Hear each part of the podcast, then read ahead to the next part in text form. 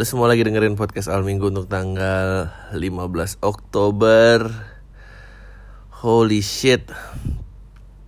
Um, Udah Anjing udah setengah jalan aja nih bulan Oktober. Um, Gue Lagi ngeliat notes uh, hmm, podcast gue gitu dan gue kayak mau decide untuk melakukan sebuah yang topikal gue kemarin nggak kemarin sih berapa hari yang lalu ngobrol sama teman baik gue gitu uh, Irfan Ramli cie gitu. Always interesting kalau sama orang ini. Uh, gue ngobrol tentang bahwa kenapa gue lagi mau ngomong mencerna tentang teknologi dan pembaruan dan segala macam dan dan lu semua tahu karena gue tuh selalu mm, skeptis gitu ya.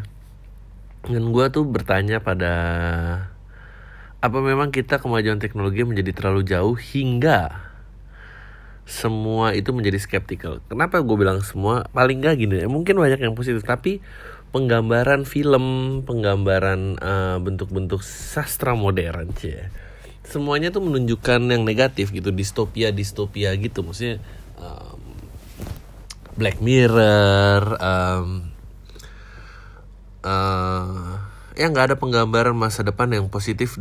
Padahal teknologinya kemajuannya seperti itu. Nah, beda sama film-film zaman dulu yang menggambarkan masa depan gitu. Lagi apalagi era-era uh, perang dingin baru berakhir. Um, kartun-kartunnya aja kan lain kan The Jetsons and then penggambaran masa depan tuh selalu positif lah.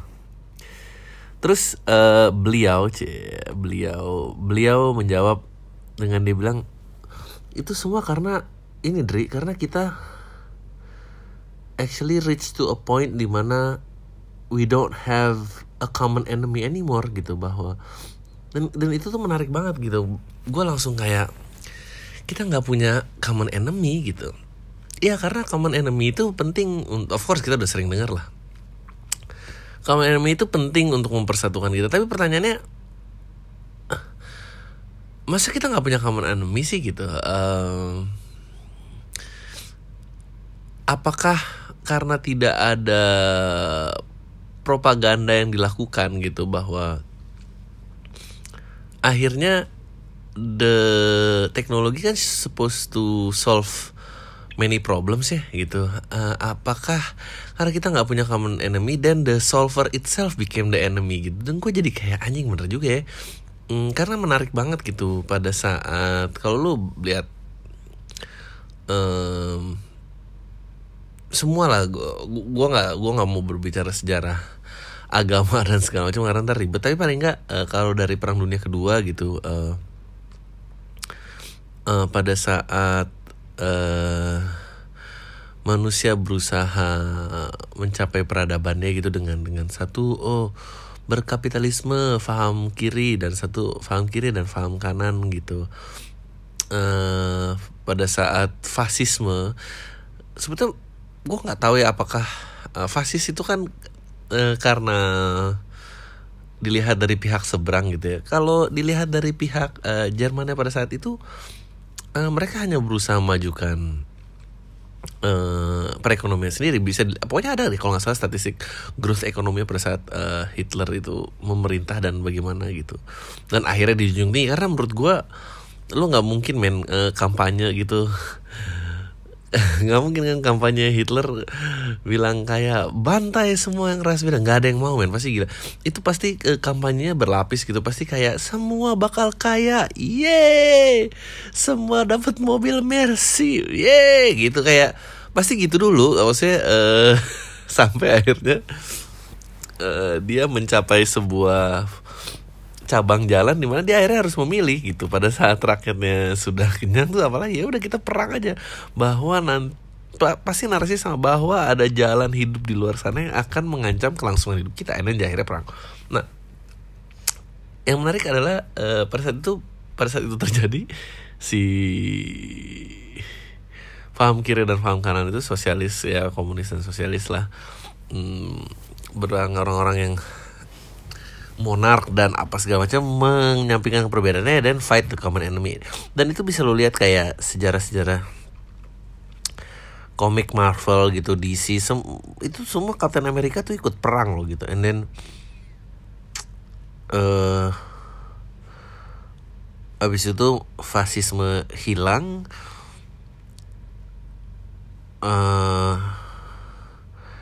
bingung kan tuh uh, harus buat common enemy ya dan, dan Amerika percaya bahwa oh masih banyak di negara-negara luar sana kita harus menjadi polisi dunia memberantas faham-faham kiri dan dia nyebrang lah tuh ke laut seberang dan segala macam.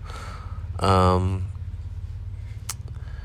apa um, ke Vietnam dan Korea Selatan dan uh, gue nggak tahu ya apakah negara ini juga termasuk enggak nih uh, dalam agendanya dan segala macam. Um, nah habis itu yang menarik tuh uh, gue nggak tahu sih kalian tuh udah pada nonton Watchmen apa belum. Menurut gue harus nonton. Nah Watchmen tuh juga menggambarkan distopia gitu pada saat akhirnya uh, mereka pulang dengan membawa narasi kita udah meng istilahnya memenggal kepala iblis di dunia. Benar-benar kayak gitu. Maksudnya kenapa um, musuhnya Captain America Red Skull dan segala macam itu tuh itu ada gitu. Bahwa narasi itu dipakai.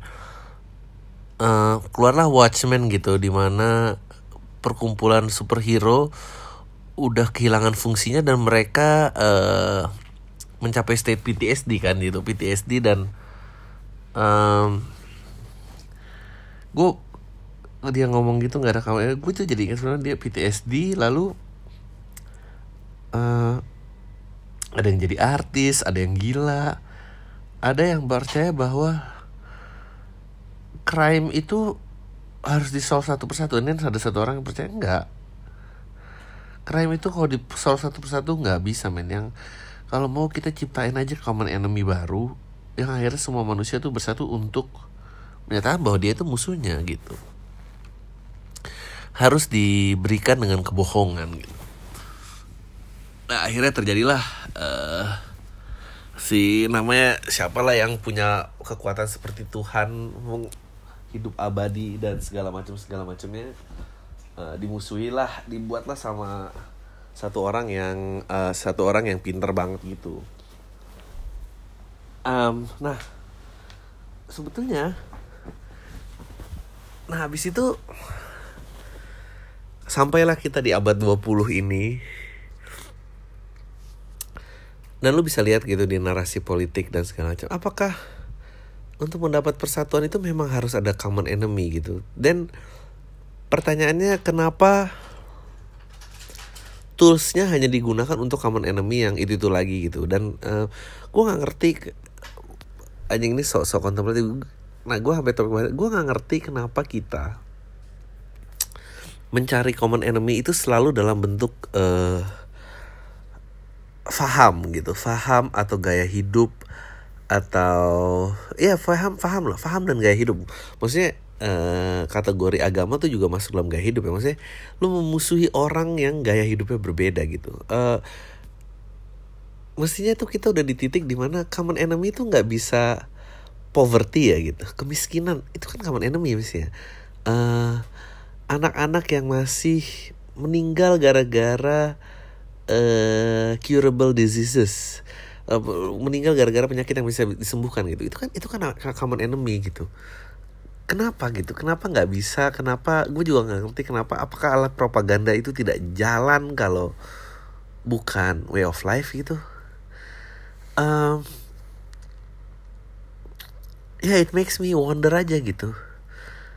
Uh, and then di di sosial media pun gue jadi berpikir gitu. Kemarin uh, gue sempat nonton gue lupa dokumenter apa gitu di Netflix. Uh, tentang sosial media dia, dia seorang psikolog yang mengetes bahwa dia bilang bahwa sosial media itu sangat berbahaya buat kita gitu. Ada satu ada satu psikolog bilang bahwa no uh, berbahaya atau tidak it's too early to tell. Bukan berarti nggak berbahaya gitu tapi adalah di tes anxiety test gitu. Kayak orang disuruh ngerjain tes di komputer uh, handphone ditaruh di belakang jarinya tuh dideteksi elektrolit gitu terus setiap handphonenya ada ping ada bunyi ada apa.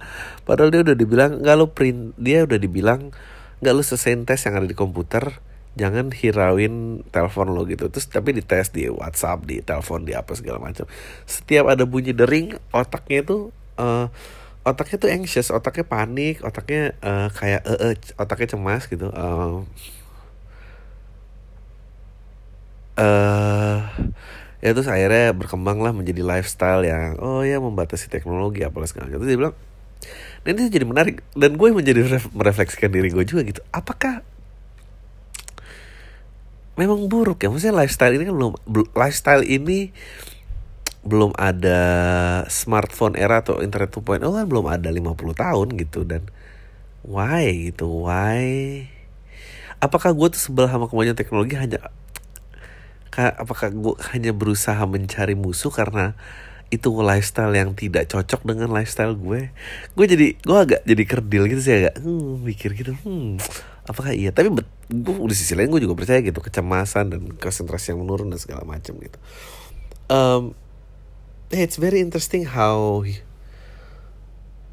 eh, dan makanya itu dia oke okay, karena teknologi seperti itu makanya sekarang distopia kenapa semua orang dengan teknologi karangannya itu ada distopia nggak ada nggak ada yang utopis lagi gitu. Semuanya uh, kalau lu nggak ngerti bedanya utopia sama distopia uh, di di di di cari aja. Ya, utopia tuh intinya surga di bumi distopia tuh uh, fase bumi yang bertahan habis. Konsep surga yang diwujudkan itu hancur gitu maksudnya peradaban berakhir dan manusia restart lagi. Um, terus dia temen ya udah akhirnya balik lagi ngobrol sama Ipang itu dia bilang ya distopia karena manusia udah nggak bisa ngarang lagi dari manusia udah nggak punya common enemy and then the the enemy karena lifestyle yang diadopt banyak orang adalah teknologi dan the technology becomes the kind enemy dan imajinasi manusia cuma stuck. Uh, melihat kemajuan teknologi dan selalu karangan seperti itu. Anjing anjing itu itu menarik banget loh. Jadi bahwa jadi jangan-jangan yang namanya free will itu bohongan ya bahwa eh uh, ada semua itu grand design.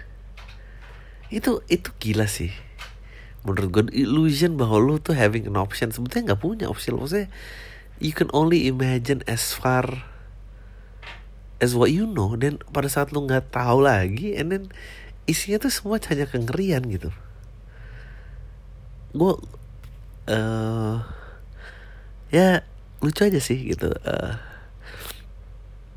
apakah memang memang it's time gue sih kadang-kadang suka merasa I think the scientist uh, researcher gue inget banget sama ininya Neil deGrasse Tyson dia bilang untuk membawa manusia ke peradaban yang lebih maju gitu ya coba lu lihat di orang pemerintahan lo gitu paling uh, kebijakan backgroundnya apa? Kebijakan publik kebijakan publik lawyer kebijakan publik lawyer kebijakan maksudnya dia bilang uh, saintis lu di mana gitu? Profesor lu di mana? Uh, ya ngomong misalnya common enemy isn't it global warming supposed to be a common enemy gitu? And can we see a movie where we actually beat global warming gitu? Emang gak seksi tapi yang uh, gue inget banget dulu ada acaranya si Iwan McGregor di mana serial dokumenter dia berusaha itu tadi melawan anak-anak yang masih meninggal gara-gara penyakit yang bisa disembuhkan. Nah dia menyebarin obat dan vaksin ke tempat-tempat yang tak terjangkau. Menurut gue tuh keren banget gitu. Ya tapi ya nggak seksi gitu. Nggak seksi lah. So even the political stage gitu bahwa ya udah itu isinya tuh emang emang panggung drama aja karena memang hanya kita bisa disatukan oleh lifestyle dan melawan lifestyle yang berbeda gitu. Uh, persis banget gitu narasi yang ada sekarang. Gue uh, I I know this becomes so serious tapi udah lama aja gue nggak nggak mikirin yang kayak gini gitu. Uh, that that's why I think that's why I don't find uh, I like to talk about uh, live gitu but I don't gue nggak pernah suka membaca uh, membahas uh, aliran politik gitu. Maksudnya ya karena ya gitu maksudnya. Ya itu maksudnya menurut gue scientist researcher I think they're the one who should lead humanity. Maksudnya look at uh, gempa uh, Palu gitu. Maksudnya berapa puluh tahun yang lalu kalau nggak salah udah ada researchnya bilang kayak itu nggak boleh jadi kota deh kayaknya. Uh, but nobody gives a shit. Maksudnya uh, George, George, George Carlin komedian pernah bilang dia bilang uh, gue lupa ya dia bilang kalau nggak salah beatnya kayak gini dia bilang uh, manusia tuh sombong banget uh, we gotta save the planet we gotta save the planet you know what? The planet's gonna be fine. We're the one who's fucked up. Maksudnya we're gonna one yang bakal mati tuh kita. Kayaknya sih buminya lanjut lanjut ya maksudnya kalau ada global warming gitu emang yang mati siapa? Mati kita men. Kayak planetnya will find a way to readjust.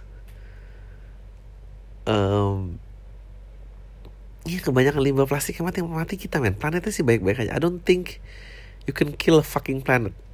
Or ya mungkin bisa kali waktu itu manusia yang bunuh Mars and then kita pindah ke sini terus eh, tapi kan Marsnya masih ada cuma udah nggak bisa dihidupin lagi. Marsnya baik-baik aja. Makhluk yang mati man dan mungkin kita akan mati. And what if what if what if uh, uh, perspektifnya dibalik? What if global warming itu adalah cara planet itu to cleanse its virus? Well eh, nggak uh, bisa kan? Maksudnya lu nggak bisa ya mau gimana dong gitu um, ya yeah, dan kita uh, sibuk berkutat dengan kayak eh, uh, paslon apa ya maksudnya kecil banget gitu. Gue sih jujur udah kayak gak peduli just just pick somebody lah sama aja it's it's fine. Uh, ya yeah, I don't know about you guys gitu. Uh, ini berapa menit sih? Anjing baru 17 menit lagi gue udah kayak gini apalagi ya? Oh oh gue tau gue tau. Untuk mengisi uh, uh, gue jangan lupa nih. Gue harus membacakan satu karena uh, podcast ini untuk siaran kali ini uh, dipersembahkan oleh Excel Homepao internet fiber optik untuk rumah kamu. Up to 300 megabit per second fiber optik. Hanya 300 ribu rupiah saja per bulan dan sudah termasuk Android set top box untuk akses ke ribuan konten pilihan. Informasi lengkap dan berlangganan via www.lebihpau.com sekali lagi ya www.lebihpau.com www.lebihpau.com Nah, um, apalagi ya? Oh, gue habis ngeliat trailernya Elton John. Aduh, gue nggak sabar nungguin uh, filmnya The Queen, ya Queen, filmnya Elton John. Uh, apa lagi ya? Gue bahas apa lagi? I don't know. Coba kita lihat uh, topik podcast gue ada apa aja fix game judi olahraga judi olahraga uh, menurut lo ada yang ngejudiin di para para games uh, harus jadi konsumsi biar lestari macan dan Parkinson. Ah apa nih Parkinson? Uh, yeah I don't know man. I'm I'm I'm runner run out of juice. Uh, gue tadi uh, berusaha melihat uh, gue kan kayak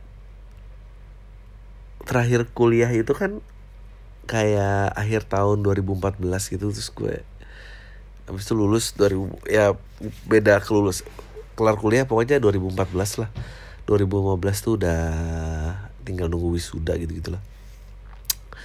Terus gue kayak ngoprek-ngoprek dokumen gitu. Apa? 2015, eh 2005 sorry. Jesus Christ 2003 13 tahun yang lalu ya lama juga ya. Uh, tek gue TK SD SMP SMA and then kuliah. Anjing gue lulus kuliah 13 tahun yang lalu. What the fuck man? Uh, dan gue tuh jadi merasa kayak gila hal-hal yang dulu disangka penting tuh sekarang banyak banget yang udah ternyata nggak penting gitu kayak ijazah itu kayak I work so goddamn hard untuk dapetin itu. Dan kayak anjing ini jelek banget ya. Udah malah ya itu lulus pas-pasan lagi. 13 tahun yang lalu dan gue gue agak bingung sih. Gue tuh kayak baru aware dan hidup.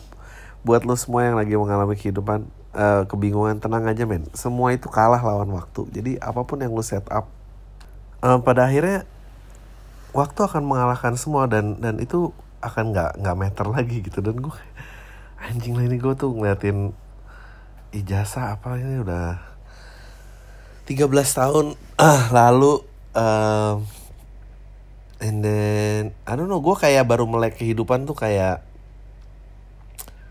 berapa I must say gue mulai aware dengan kehidupan mungkin di uh, umur 28 gitu jadi kayak abis lulus uh, semua kebingungan semua tuh bingung terus abis lulus apa segala macam. Sampai umur 27 28 gue mulai clear gue tuh mau ngapain gitu. And, dan gue menyesal sih. Sumpah kayak baru hidup uh, enggak sih mungkin dia dua ya mungkin baru hidup kayak lima tahun tujuh tahun gitu gue ngerasa I am fully myself gitu. It's fucking weird man. Uh, I don't think makanya kalau Jack Ma bilang sih gitu uh, lo emang harus banyak kesempatan gagal sih. Lupakanlah uh, ada teman gue bilang bagus banget dia bilang perasaan itu nyusahin kalau memang kita nggak pernah belajar untuk manage dia. Anjing. Dan semua kepusingan lo tentang lulus nggak apa itu semua tentang perasaan tentang relationship yang gagal dan apa nggak nggak perlu men. Aim buat keberhasilan. Aim tuh emang harus lu biasa gagal. Kan gue nyesal banget sih. I don't feel eh gue nggak merasa gue mau ngambil banyak kesempatan itu untuk banyak kesempatan untuk gagal sih mencoba hal ya percaya deh sama gue passion lo uh, apa romance lo segala macam um, jangan harap sekali tembak ber langsung men. Dapat nggak usah deh. Anjing nilai dari ngomongin common enemy yang bersatukan manusia sampai uh, gejolak uh, kemanusiaan itu sendiri. Tapi uh,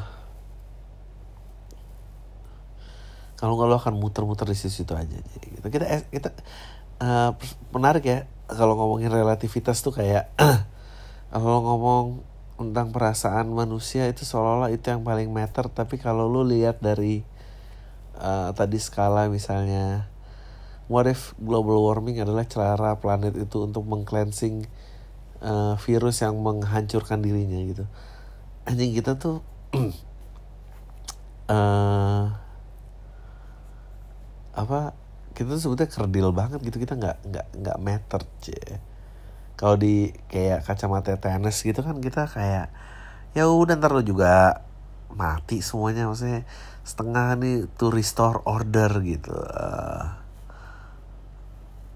dan itu adalah itu kan memang yin and yang kan uh, chaos and order itu it's amazing how orang-orang zaman dulu kalau nggak terganggu teknologi itu pikirannya bisa sampai situ maksudnya uh, chaos and order itu sesuatu yang kesinambungan. Maksudnya lo nggak kayak gue penasaran philosophically bagaimana Avengers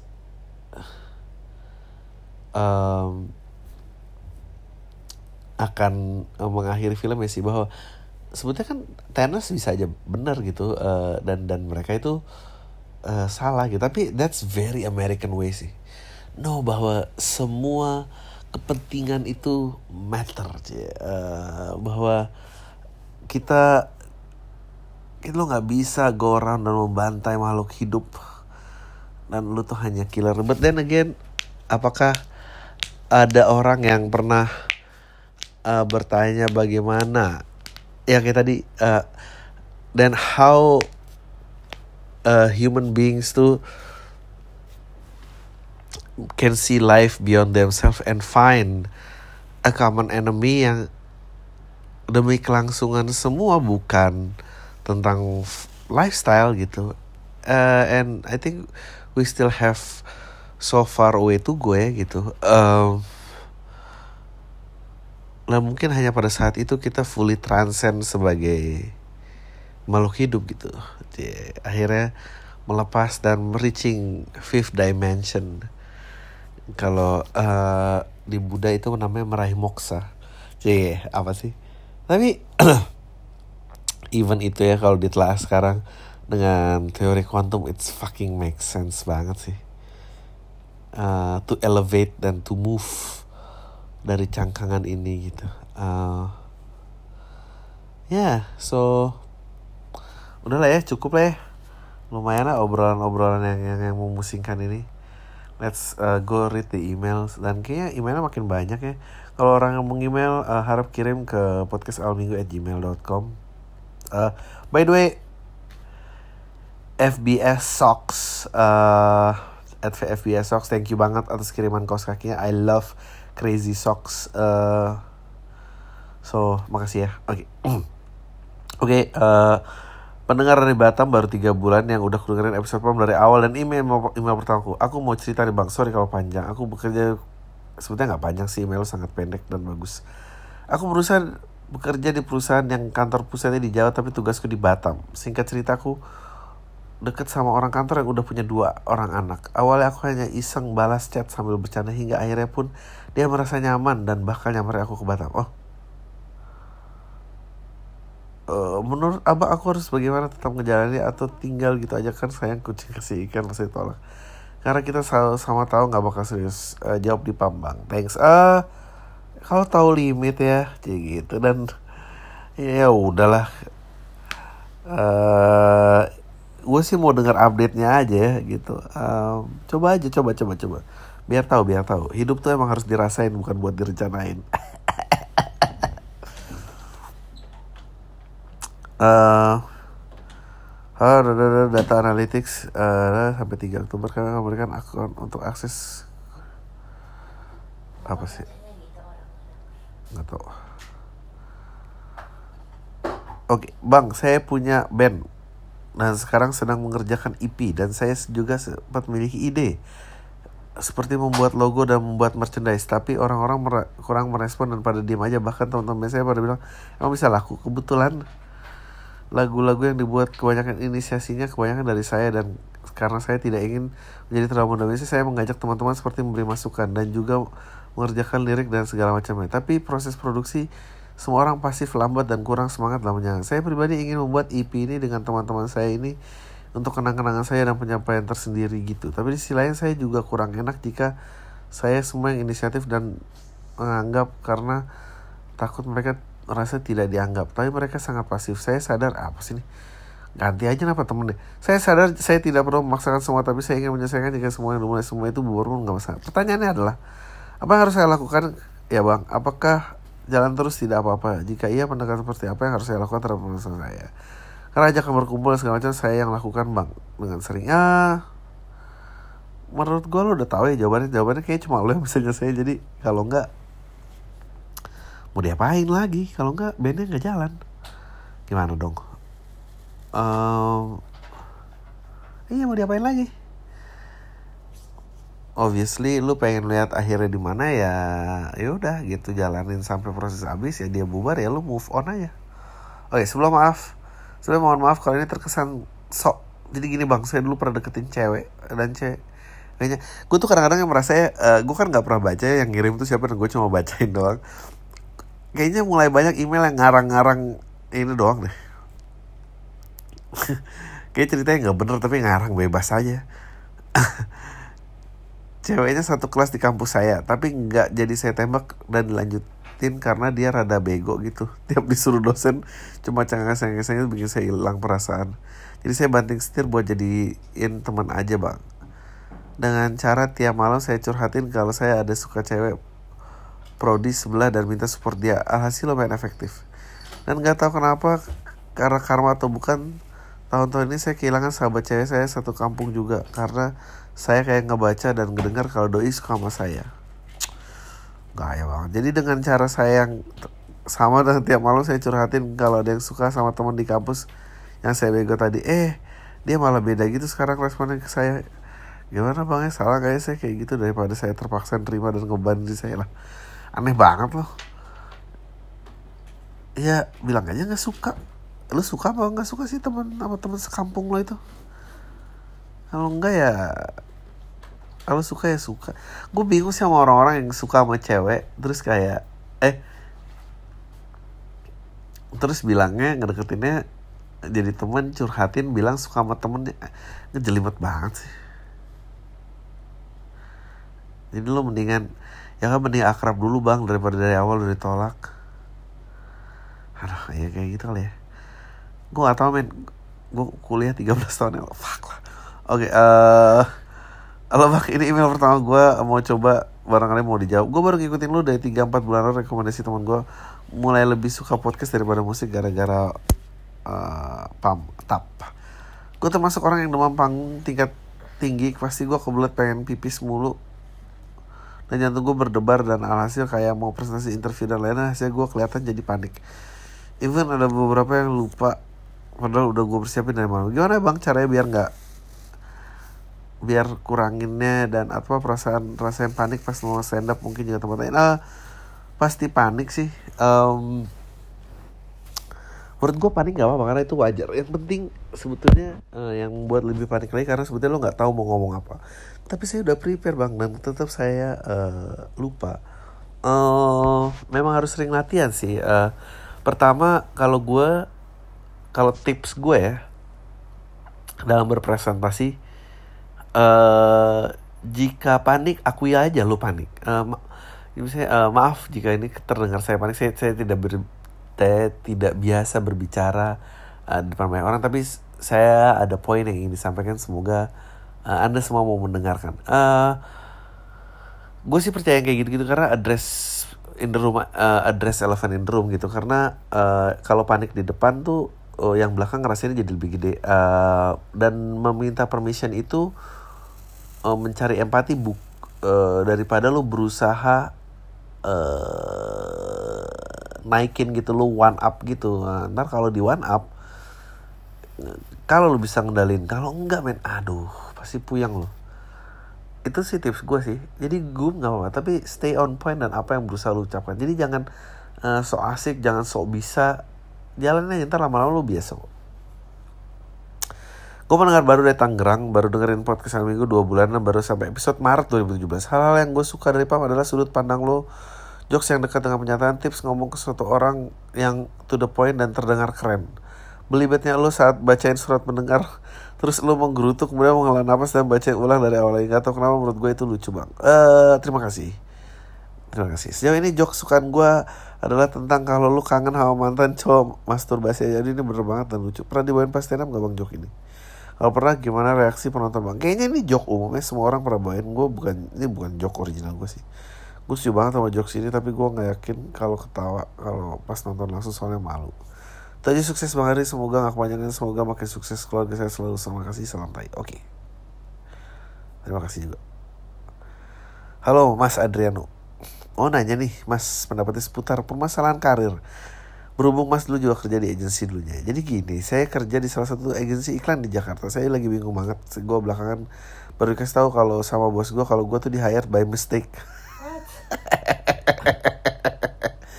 jadi menurut bos gue ada miskom antara HR dan dia bla bla bla. Singkat cerita gue ditawarin kontrak sama HR tanpa pengetahuan bos.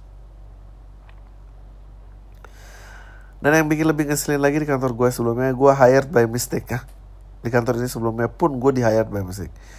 Kalau yang ini beda kasusnya. Intinya ada kandidat yang bos lama gue lebih prefer tapi somehow ada miskom jadi gue yang tawarin kontrak. Nah, gue lagi dilema banget nih. Cabut atau kagak? Secara gue pribadi kesel banget udah dua kali gini ditambah lagi gue udah kerja 6 bulan di kantor sekarang kontrak habis akhir bulan ini belum ada konfirmasi lanjutin apa kagak. Need your opinion on this. Ya menurut gue sih kalau kontrak habis dan gak dilanjutin ya lu have no option sih lu ngapain sosok mau cabut tapi kontrak sosok mau cabut kontrak tinggal sebulan lagi menurut gue uh, lu kesel eh, menurut gue sih lu tuh adalah orang yang beruntung ya dua kali di hire by mistake ya udahlah gitu. Uh, uh, lu kesel juga mau apa gitu maksudnya. Kalau kontrak gak diperpanjang lu kesel juga ya lu tetap cabut juga menurut gue ya.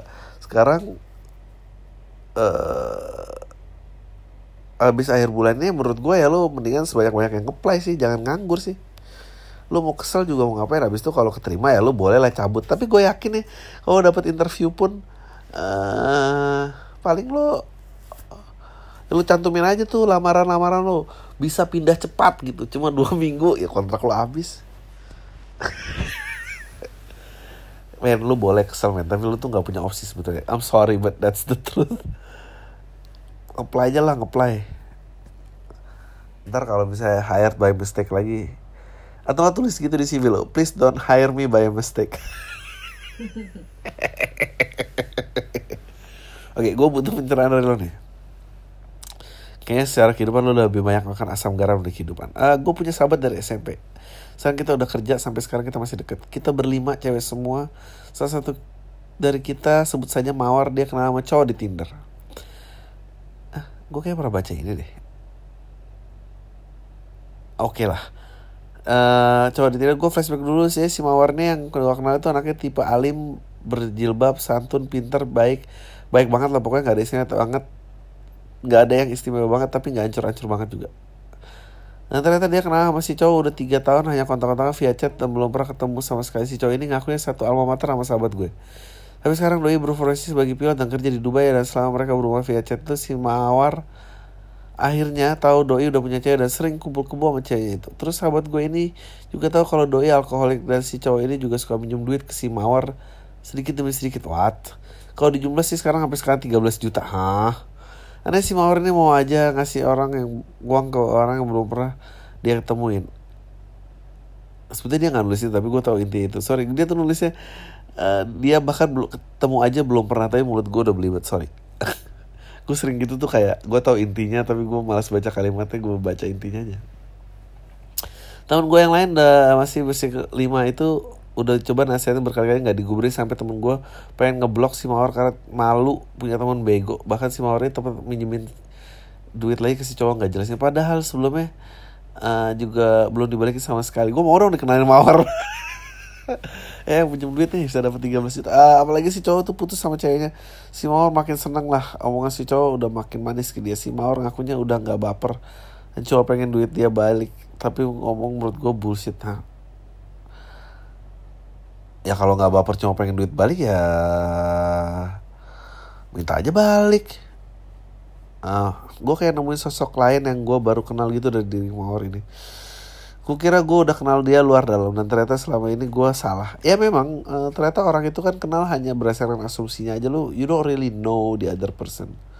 Dan lu cuma bisa assume about the other person. Entah dia baru begini berubah sih kami atau emang sisi dia begini baru ketahuan sama gue sekarang. Gue nggak ngerti gue harus apa lagi sih sama orang. menurut gue lu nggak bisa apa-apain. Uh, ya nggak bisa apa-apain. At atau bisa lu jodohin sama orang yang gak minjem duit. Uh, ya sih. Gue takut dia kena batu bang. Gue takut dia sebenarnya psycho. Eh mungkin juga dia psycho bisa juga. Atau yang lebih malu lagi dia jadi norak gitu ngepost screenshotnya tan gitu eh, sama cowoknya di IG story. Bahkan isi tentang cowoknya habis minum-minum. Yang bagi gue itu nggak pantas di share di story. Ya. Oh dia beneran yang lebih bikin malu lagi dia jadi suka norak gitu ngepost screenshotan chat dia sama cowok IG story. Bahkan si cowok ini abis minum anjing bagi dong IG storiesnya nyari uh, IG-nya apa sih? Uh, mantas nge-share di story. Gue takut bahwa ternyata sebenarnya si mawar cuma pengen dijadiin uh, gue takut kalau ternyata si mawar cuma dijadiin mainan doang. Menurut gue mawar senang dimainin. Uh, dan ya mungkin nggak tahu ya lo orang jatuh cinta tuh beda-beda ya.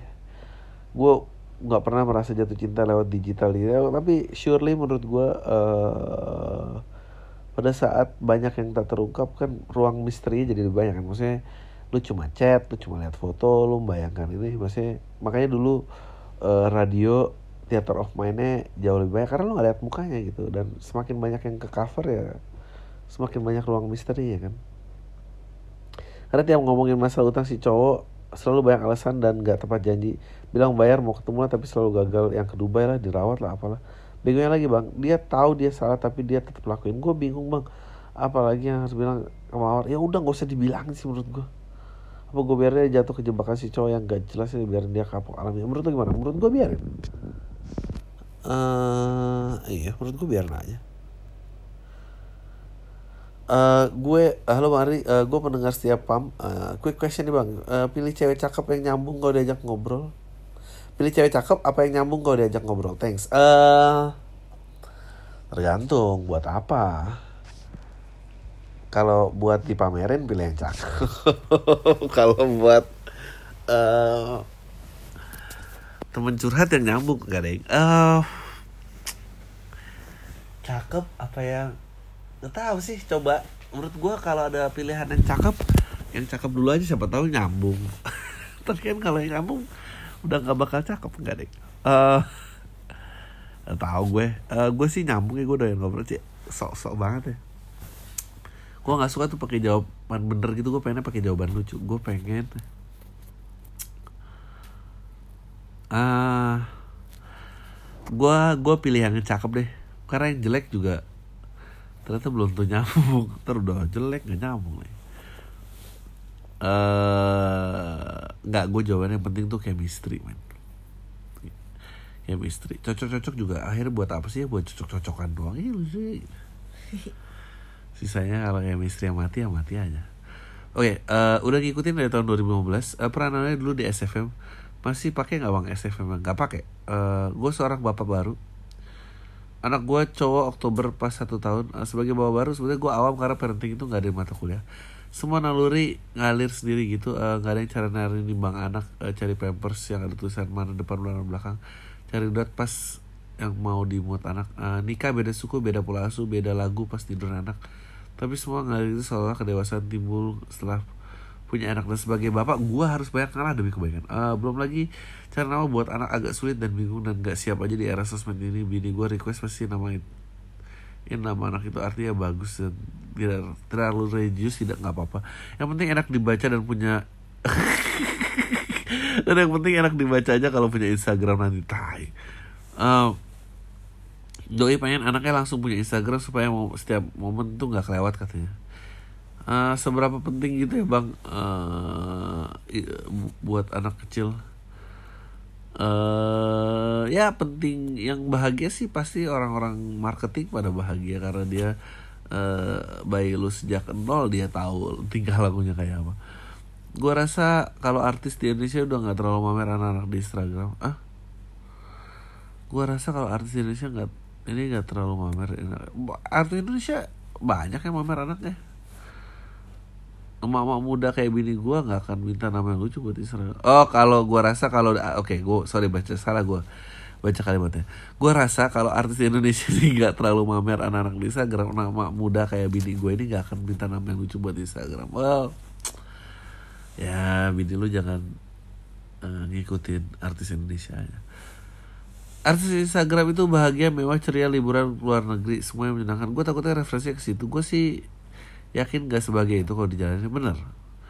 Pendapatnya tentang IG untuk balita menurut gue it's fucking creepy. Man gue aja sebetulnya uh, Twitter uh, podcast gue uh, Instagram kalau ada fitur 17 plus gue mau bikin 17 plus. Gue nggak peduli dengan pendengar-pendengar uh, di bawah 17 mau dinilai penyuka anak ke pendapatnya tentang IG untuk beli menurut gue is fucking creepy. Uh, buat gue uh, I don't know uh, kayak itu cuma bisa dibocor ntar dibocorin orangnya semua diambil orang apa segala macam oh, ya. mau dinilai penyuka anak kecil atau bisa ngurus anak kecil bang Hah? Ah. mau dinilai penyuka anak kecil atau bisa ngurus anak kecil bang? Uh, ini tuh kayak nggak apple tuh apple ya maksudnya gimana sih nilai penyuka anak kecil atau apa gue maksudnya gue sering foto sama anak kecil gitu. Atau bisa ngurus anak kecil. Eh, yang mana aja oke okay lah. Pilpres yang dulu gue satu ranjang tapi beda pilihan politik. Nggak tahu kalau tahun depan. Lo nanya apa sih ini sebetulnya? Pilpres yang dulu gue satu aja tapi beda pilihan politik. Nggak tahu kalau tahun depan. Ah terus ya bagus dong. Sekarang bisa aja satu ranjang sama pilihan kan? I don't know man. Ah mungkin lo emang beda aja kali ya sama istri lo. Gue ter- apa mau nanya pendapat gue gitu. Betapa pentingnya mana sih? Gue berusaha membatas kayaknya oke. Pendapatnya tentang IG atau mulai tadi udah. Mau dinilai punya kawannya gue harus pilih. Ya gue nggak tahu pilihnya gimana. Pilpres yang dulu gue satu ranjang beda pilihan politik. Nggak tahu kalau tahun depan. Ini ngasih tahu apa pentingnya pilpres atau pentingnya satu ranjang satu pilihan nggak tahu gue eh banyak hal-hal yang lebih vital tentang manusia dari pilihan politiknya main bodo amat. Eh, gue dari Purwokerto, ini email pertama gue. Padahal udah suka dengerin 2 tahun ini. Dua 22 tahun gue lahir di keluarga yang biasa-biasa aja. Alhasil ortu Gue lahir biasa-biasa aja. Ortu gue meninggal sewaktu gue kelas 5 SD. Alhasil gue tinggal sama kakak ibu gue. Gue setuju sama lo sejak yatim piatu ini sekarang sekarang gue jadi menganggap dunia ini tempat bermain gue bang. Eh, gue coba aja asal ada duitnya. Mantap. Gue karyawan suatu di perusahaan otomotif gue juga ambil kuliah lagi buka kafe kecilan bahkan agen asuransi pun gue ambil freelance. Mantap. Menurut lo ada gak sih bang cara buat kita mau ngomongin teman kita yang masih idealis dan buat sadar kalau kita tuh harus makan harus kerja untuk build our kingdom? Ah nggak ada. Menurut gue eh ya dia udah kejebak sama pikirannya sendiri. Dan bukan tugas lu juga untuk menjadi orang-orang kayak gitu. Gue bukan yang mau sosokan paling bener di tongkrongan tapi gue liat teman-teman gue masih suka nganggur gak jelas dan nyalain keadaan. Suka nyalain pemerintah karena lapangan pekerjaan kurang anjing lucu banget. Oleh kalau lu males kuliah dan lain-lain. Anjir gue dalam hati marah sebenarnya. Gue dalam hati gue selalu bilang anjis gue yatim piatu masih mau kerja biar bisa kuliah lu semua kagak ada bersyukurnya gue juga suka kali kalau di posisi lu sekarang gimana gimana bang ada gak ya cara tanpa harus tai-tain mereka dan tanpa harus kelihatan nyebelin By the way, tentang semoga keluarga Kalbi selalu diberi kesehatan. Amin. Eh, nggak ada sih. Kayak gitu-gitu tuh, kayak maksudnya gini, gue aja tuh eh dalam kebingungan terus loh. Dan gue nggak tahu gimana cara menyiasati kebingungan di orang-orang. Eh, iya, men, mendingan kerja aja, men. Eh, assalamualaikum. Nama gue jangan disebut gimana panjang. Ah, please dibacain. Oke. Oh, memungkinkan please bacain. Oke. Setelah nonton Accelerate the Series, gue memutuskan untuk cerita ini bang. Gue cowok 24 tahun dan beberapa minggu yang lalu gue install Tinder saking bosannya. Pakai fake name dan nggak pasang-pasang as- foto asli. Gue kira nggak bakal ada yang match tapi malamnya ada yang match dan dia ngechat duluan pas gue liat profilnya dia juga pakai fake name dan pasang dan nggak pasang foto asli. Umurnya 20-an dan dia baru putus. Setelah kita ngobrol panjang orangnya asik dan menyenangkan. Keren dan gak naura jokes kita bisa cukup nyambung. Setelah dua hari kemudian dia bilang mau uninstall Tinder dan dia nawarin buat pindah ke lain ya udahlah karena orang yang menyenangkan buat gue gue pun mengiyakan. Tapi tainya pas gue lihat fotonya ternyata orangnya cantik. By the way pas di lain gue juga nggak pakai foto asli percakapan. Berarti suatu ketika kita lagi bercanda biasa sampai kita dari percakapan yang buat gue ha- harus kasih lihat foto gue ke dia. Walaupun cuma muka alhamdulillah obrolan masih terus berlanjut dan makin seru aja. Minggu depannya gue memutuskan untuk ngajakin ketemuan dia mengiyakan rencananya kita mau nonton dan ngobrol di coffee shop pas hari H. akhirnya gue ketemu dan lebih tanya cewek itu lebih cute daripada yang main di foto. Ya udah kita menuju bioskop dan sepanjang jalan kita ngobrol aja nggak awkward sama sekali. Menurut sama sekali menurut gua. Abis nonton kita ke toilet pas dia keluar dari toilet gua nanya ini mau ke mana lagi? Dia tapi dia bilang kayaknya dia harus balik karena ada tugas. Mendadak yang deadline hari itu juga. Gua udah mulai seuzon tapi udahlah gua tawarin nganter dia pulang ke kosannya. Nah masalah ketemu setelah ketemuan dia jarang balas lagi nih bang. Balasnya pun kalau 10 aja beda banget sama pas sebelum ketemuan. Jujur gua nggak masalah kalau dia ilfil sama fisik bahkan kalau dia ngeblok gua tapi is this human tapi is this human being human gak sih menurut gue tapi gue mikir cewek ini tai banget. Nama-namain insecurity aja gue sadar sih gue gak ganteng tapi kayaknya gak sejelek itu juga. Apakah gue mau ya? Tapi waktu itu gue udah mandi yang pakai deodoran kaos dan celana pun gue pakai baru gaya. Gue ngobrol gak berantakan amat pas ketemu juga cukup ngobrol dalam artian santai dan gak awkward sama sekali. Ujung-ujungnya gue mikir mungkin gue kegendutan tapi gak segendut itu juga bang. Sampai akhirnya gue memutuskan untuk beli jogging. Untuk mulai jogging dan sampai beli barbel bangsa Terus sekarang sih gue masih ngechat dia tapi jarang. Soalnya kalau gue kejar terus takutnya terkesan creepy dan bikin dia risih. Dan takutnya masih balas walaupun sebenarnya men, men, menurut gue menurut gue menurut gue eh lu adalah orang yang sangat menyenangkan. Whoever this girl is menurut gue you should give this guy a chance. Karena apa? Karena dia orangnya menarik dan dia sadar diri dan kalau gue cer gue cerah sayang mak gue sedi- se- masih sedikit optimis soalnya dia eh, alasan dia masuk akal dari awal kita chat di line. Dia orang suka katanya males scroll chat. Maksudnya kalau dia buka line yang dibalas cuma teratasnya nggak di scroll lagi sampai bawah dan dibalasnya satu-satu dia bilang lagi masa-masa sibuk lagi ngepin grup-grup yang berhubungan responsibility hasil chat-chat yang lain gak kelihatan. Toh gue juga mau mastiin dia beneran sibuk atau sekedar no no no dude, dude. Udah, udah lu gak usah sok pastiin. Kalau emang ilfil kan gue berusaha nutupin kekurangan gue kalau gue deketin cewek lain. Nggak menurut gue menurut gue lu sibuk aja men. Lu lu sibuk aja dan nggak usah sok-sok nyari dia tuh ilfil atau nggak apa gimana. Menurut gue itu yang bikin creepy dan bikin lo nggak asik. Jadi gue harus ngapain ya lo harus sibuk. Cerita gue memasangkan dan gak menghasilkan jokes yang lucu. Enggak enggak menurut gue lucu. Sukses terus bang Andri dan keep all the good works have great life thank you. Eh menurut gue eh I think lu so, lu harus sibuk aja dan nggak usah berusaha cari tahu dia gimana apa segala macam. Lu akan jadi gila. Eh kalau bisa dapetin kesempatan sekali lagi keluar dan terus terang aja eh you, you know gue gak tau gue masih berharap sih kita kayak dulu dan sekarang tuh kayak aneh. Gue tuh harus apa ya gitu. Maksudnya menurut gue cara lu bercerita ke gue kalau lu bisa sampein dengan baik itu ke dia menurut gue lu menang sih. Eh ya gitulah cobalah update gue lagi. Eh ceweknya denger ini gak ya? Kalau iya please dong kasih dia kesempatan lagi. Thank you udah bacain email gue Gue salah satu pendengar baru lo Dan mungkin udah satu tahun Anda dengerin podcast lo. Gue udah satu tahun lebih kerja di negara tangga dan dengerin podcast lo. Lumayan ngobatin rasa kangen gue sama Jakarta. Meskipun sebenarnya gue tiap tiga bulan sekali dapat cuti buat balik ke Jakarta. Gue suka cara lo ngeliat beberapa hal. Meskipun gak, ter- gak selalu setuju sih tapi selalu ada sisi menarik dari sudut cara pandang lo. Ah gue paling setuju sama statement lo yang prostitusi adalah ngelakuin pekerjaan yang dia nggak suka tapi lo lakuin karena lo dibayar Bang. gue ada satu pertanyaan bang. Have you ever believe in 100% in other person? Nggak pernah. Kalau pernah siapakah orang itu sampai bisa lo nggak ada rahasia sama saya no. Secret tuh penting man. Secret tuh what makes you alive menurut gue karena gue nggak bisa percaya sama 100% sama siapa. Nggak gue sama kok kayak lo Thank you bang, kita udah gue keluar santai. Gue baru dua bulan ini coba bikin podcast. Kalau ada waktu boleh. Coba dengerin ya bang Namanya Ansos Podcast. Oke Ansos Podcast. Agar random ya, beberapa lama lagi LGBTQ bisa diterima di Indonesia. Maksudnya diterima adalah ada undang-undang yang menjamin keberadaan mereka. Soalnya beberapa negara Asia udah mulai legal. India, Thailand, dan lain-lain. Oh iya, tips cari friends with benefit Tapi nggak buat dia baperan gimana ya Cie, ya nggak tahu. Jangan sering-sering lah eh, menurut gua kalau balik ke roots budaya gitu kayak LGBTQ banyak ya.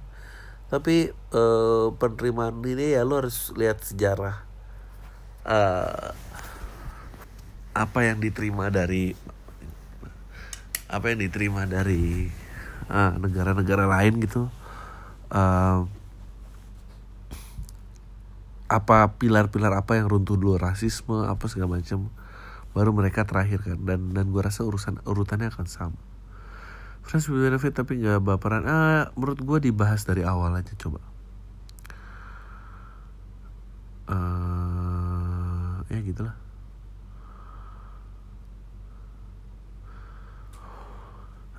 Dibahas dari awal aja. Kita ini for fun ya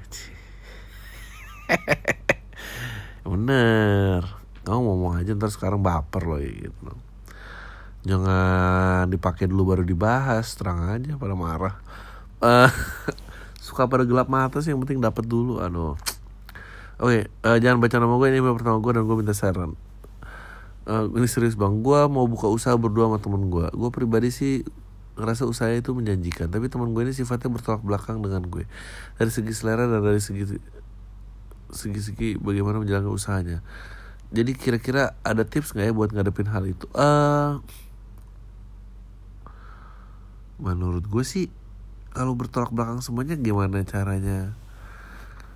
Eh, kenapa lo mau dia jadi partner lo ya menurut gue sih yang penting tuh juga ini sebetulnya lo visi lo apa? Lo nggak cocok nggak apa-apa sama orang gimana gue banyak banget kerja kayak gitu. Gue kalau nungguin cocok mah nungguin kiamat aja. Tapi ya kalau visi kira-kira sama ya lo mendingan sikat aja. Tapi kalau visi udah nggak sama sih itu sih cocok nggak cocok ya mendingan gak usah sih.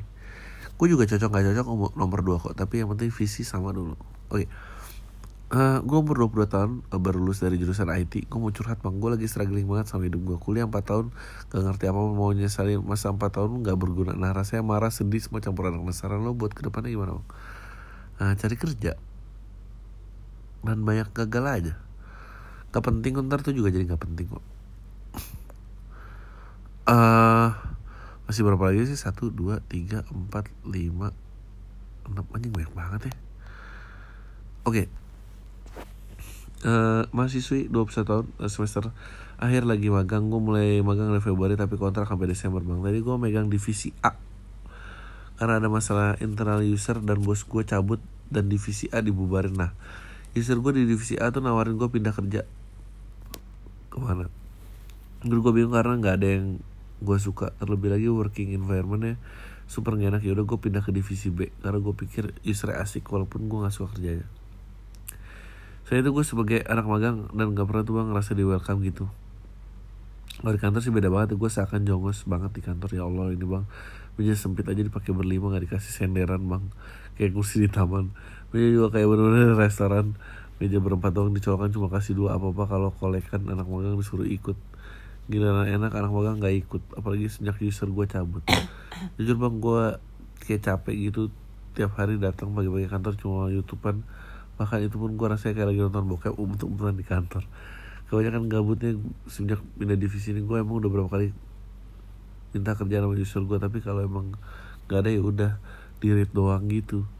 Gue bingung mau curhat ke mana kalau ngomong ke orang kantor bisa di HRD atau user gue orangnya sih suka bikin masalah gitu bang karena user dan bos gue itu dulu cabut gara-gara masa pribadi yang dibuat drama sama orang-orang sini. Apalagi menyangkut nilai bank mata kuliah 16 magang tuh 16 SKS bisa aja gue fail dan paling marah tuh di DO menurut lo gimana bang? Ya menurut gue jalanin sih. Gue harus apa ya buat supaya enggaknya punya motivasi datang tiap hari kantornya tuh 16 EKS kalau duit doang mah uang makan yang dikasih kantornya nggak seberapa dibanding rugi gue tiap hari kagak ngapa-ngapain di sini. Ya lo tuh kan anak magang digaji paling berapa sih? Dapat ilmu juga. Kagak bang. Thank you bang. Dengerin curhat gue gue selalu seneng dengerin podcast lo malah kadang-kadang gue lebih percaya kata-kata lo daripada kata-kata nyokap gue ya gak ada jalan aja mau diapain lagi men. Oke. Ah bang gue sekolah di US mau nanya kenapa lo mutusin untuk sekolah di luar? Menurut lo job opportunity-nya lebih gede gak sih? Terus gue udah 19 tahun menjomblo normal kagak sih mau saran ya? Eh eh memutuskan kuliah di luar waktu itu karena gue mau ngambil double major dan nggak double majornya nggak ditawarin di sini. Jadi nyari uh, bidang dan kalau misalnya kerja opportunity luar nggak tahu ya. Bidang yang gue ambil waktu itu uh, menurut lu job opportunity karena lulusan luar? Enggak sih sama aja. Menurut gue lebih parah sih. Menurut gue lebih kecil.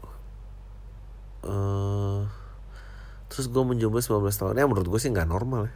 Gue gak ngerti sama orang-orang yang nggak punya interest untuk berpacaran. Bukan berarti lo harus pacaran juga tapi ya gitulah. Uh, menurut lo lebih penting idealis atau pragmatis? Hmm, menurut gue pragmatis. Idealis overrated man Oh ya by the way gue baru mulai podcast bang. Kira-kira mau jadi bintang tamu nggak? Uh, listen to Curpras Jokin Phoenix as Joker uh, Otoy Podcast obrolan sotoy. Uh, ntar ya. Cie.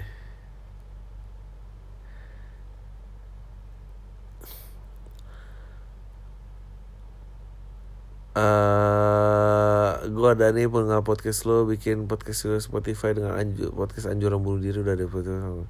Menurut gue isinya tai-taian komentar apa Gue kira Kenapa jadi tamu podcast jujur Gue ngikutin sebisanya abang aja uh, Waktu lu sempat balas ajakan gue lewat DM Tapi ngarep Eh uh,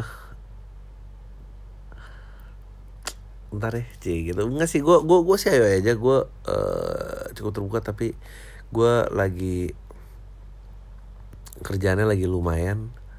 So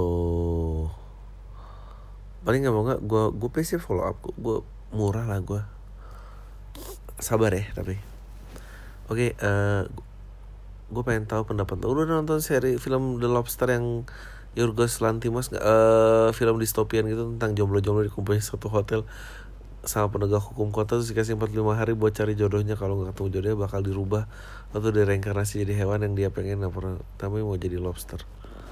Gue cuma mau tahu pendapat tuh soal reinkarnasi. Kalau misalnya lo jadi tokoh utama kira-kira lo mau jadi hewan apa? Hmm. gue mau jadi hewan nggak tau gue tadi kebayang kuda ya gue nggak ngerti kenapa. Gue mau jadi kuda no gue mau no. Mau jadi singa. Enggak gue nggak suka sih berburu ngejar-ngejar gue pengen jadi kayak kuda gitu kayaknya oke sih. Gajah gajah. Nggak tahu men. Gue paling lemah tuh dicari menurut lo kalau misalnya dunia konsep neraka dan surga adalah reinkarnasi orang-orang menjadi hewan liar sesuai amal ibadahnya kira-kira lo jadi apa?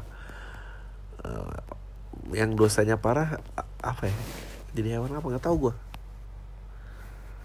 tahu men pertanyaan lo aneh sekali Oke, okay, uh, eh, jangan sebut nama gue. Gue gue suka satu sama satu cewek dan udah gue coba chat. Awalnya dia ngerespon tapi karena gue udah gak, udah lama nggak chatting sama cewek.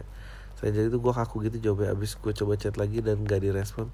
Gue coba empat kali waktu berbeda tapi tetap gak direspon. By the way kita satu kampus. Nah barusan gue ketemu doi. Kita kontakan mata gitu. Menurut lu gue harus gimana bang? Apa gue coba aja ya? Nah, kalau udahlah nggak usah dicoba lagi. Gue takutnya sebenarnya dia risih sama gue jawab di pom. Uh, menurut gue lupain aja. Atau lu sapa eh uh, ya nggak mungkin sih orang bilang eh gue udah nggak mau chat lagi. Nggak mungkin sih. Nggak tau lah. Gak ngerti menurut gue kayaknya lo harus cabut aja sih. Atau dia nggak nyapa dong kontakan mata mungkin dia takut kali sama lo cari aja lah yang lain lah cari yang mau aja Oke, okay, gue cowok 21 tahun, uh, spesies yang tahu lu dari podcast instead of stand up like everyone else. Dan gue udah denger podcast sejak uh, Do you care about how long has someone been listening podcast? No, I don't. Ya terserah, tapi kalau mau cerita ya gue oke-oke aja sih. Jadi gue udah lama nggak PDKT because I had a long relationship before it broke sekitar pertengahan tahun ini dan I think gue udah cukup move on ya. She won't be the main topic here. Sedikit cerita gue baru memasuki lingkaran baru circle baru. Jadi gue dapat kerjaan di kampus Yuno jadi asisten dosen data lab itu gue tertarik sama orang cewek yang salah satu di kelas sebagai mahasiswi. Sekarang gue jadi asisten di sini as I said before. Yang mau gue tanya bukan cara ngedeketin dia karena jawabannya cuma kalau nggak ajak cara jalan dan coba cium tuh here's the thing. Uh, dulu gue lumayan ngasih sering gift ke mantan ya karena ya senang aja ngeliat ekspresi orang cuma dikasih hadiah. Mau itu pacar atau cuma teman satu tongkrongan gue juga nggak terlalu keberatan soal hal-hal ginian. Toh gue juga sering hilaf jajan sampai game sampai 500 ribu ke atas. Just to support developer or some shit. Oke. Okay. uh, dan kalau dan di perjalanan stalking si cewek ini gue tahu kalau doi adalah fans berat EXO you know that Korean boy tinggi nggak tahu gue kolam tadi pasti nanti ada yang fans mereka K-pop juga gak sih As far as I know mereka bakal keluar album tanggal 2 November dan sedangkan doi ulang tahun di pertengahan November. Ya pasti tau lah ke mana arah curhatan ini. So the question is menurut lu gimana ya? Gue yang barely know her and just met her like a month so tiba-tiba ngasih hadiah yang cukup pricey ke doi should I do it? No. Menurut gue lu creepy. Creepy man. I mean kira-kira gimana reaksi? Menurut gue dia akan lari sih apa itu jadi batu loncatan biar gua nggak makin dekat atau dia bakalan infil gitu? Men lo harus kuri dua hal men. Kalau dia lari ya itu wajar. Terus kalau dia mau deket kenapa dia mau deket? Karena lo ngasih hadiah. Lo mau lo mau cewek kayak gitu atau the worst thing is gue bahkan masih belum tahu dia tuh jomblo apa enggak soalnya di Instagramnya doi kalau nggak sendirian ya sama teman kelasnya antara dia nge hubungan atau emang jomblo. Semoga jomblo aja sih By the way, Anjus Chris lu tuh biasanya record hari apa sih? Apa random aja pas lagi gabut di mobil terus ke record? Biasanya minggu malam. Oke gitu aja deh. Jangan terlalu dengar terlalu bosan-bosan podcast deh tiap hari Senin malam selalu ada yang dengar pas pulang kampus terus selalu. Ya coba kenal aja dulu, baru kasih kasih kado. Enggak, emang nggak aneh ya rasanya. Kalau langsung ini. Tuh. Eh, eh, ini eh, email pertama gue gak usah sebut nama Gue mau cerita. Gue perempuan single 27 tahun. Mulai ini gak cakap-cakap banget Gue hitam muka gak mulus. Ya gitulah pokoknya gue sebel banget sama keluarga gue Masalahnya sampai umur gue segini Belum ada menunjukkan tanda-tanda punya pacar Atau pasangan atau bahkan menikah. Mereka pun ribet-ribetnya lebih nyalain deh pokoknya. Masa kakak gue sampai ke orang pintar alias paranormal buat nanyain gue terus nyebelinnya kata paranormal. Bangke itu aura gue ketutup jadi gelap. Hello kan gue emang lahir ya hitam ya. Lalu katanya gue disuruh nemuin si paranormal itu rumahnya deket rumah kakak gue sambil bawa lipstick sama bedak banget kesel banget gue bang ya Allah. Tapi gue nggak mau sih tiap hari disuruh ke sana. Uh, tiap ada bahas itu ke rumah gue langsung banting pintu aja masuk kamar. Gue ini harus gimana bang? Gue sebel banget kalau sama keluarga gue yang percaya hal-hal binan kalau ada buka beli di, kalbi di sebelah lu coba bahas bang. Gue mau dengar pendapat dari sisi perempuan kesel banget gue asli. Eh anaknya tidur. Makasih ya bang. Semoga saya terus keluarga. Eh ya menurut gue dibawa asik aja sih maksudnya. Itu tuh emang kemampuan generasi sebelum berkomunikasi. Jadi emang ya udah gitu kayak eh kalau gue jadi lu gue samperin sih beneran. Pengen tahu aja. Oh iya pak. Bapak gitu. Bapak dulu kalau nggak deketin orang bilang auranya gelap Ang bapak dulu kalau nggak deketin orang ya eh coba dong ke paranormalnya tanya dia kalau deketin orang lu gimana? Ya bapak tanya Indonesia uh, gue tertarik and most likely agree with your opinion tentang this country by run by old money dan mafia. Yang gue mau tanya sama lo few days ago I watch short candid video in 2014 when election ended up that day. And then there are some strangers manipulate the voice people using fake KPU paper do you believe that was the project of mafia old money or big investor to keep their business run smoothly with our government right now? Or do you agree our president or just a puppet for them? Thanks Tri. Uh, both menurut gue uh, iyalah both lah. Satu biar bisnis lancar sama satu lagi orang yang bisa dikendaliin. Nah, itu bukan or itu dua-duanya ya ah, ya gitulah. Kayak Adriano Calvin apa dengar saya ceritain gue masih di kalangan di mana gue harus menikah sama ras gue. Gue kira ibu gue udah nggak peduli soal itu. So I'm dating a guy di luar ras gue ternyata ibu gue tahu dan langsung menolak kita ya without knowing my boyfriend and father kira-kira gimana caranya gue stand up for myself setidaknya buat mereka dengar omongan gue and what I have menurut gue nggak bisa. Menurut gue eh, ya emang gitu aja orang tua tapi ya harus badak aja sih itu semua apa tantangannya mau apa tuh gue mau jodohin ya nggak mau gue gitu. Nah cara baik-baik aja kayak eh, jangan itu nggak baik-baik. Dia cewek emang kenapa sih? Emang mau tahu apalah gitu gitulah.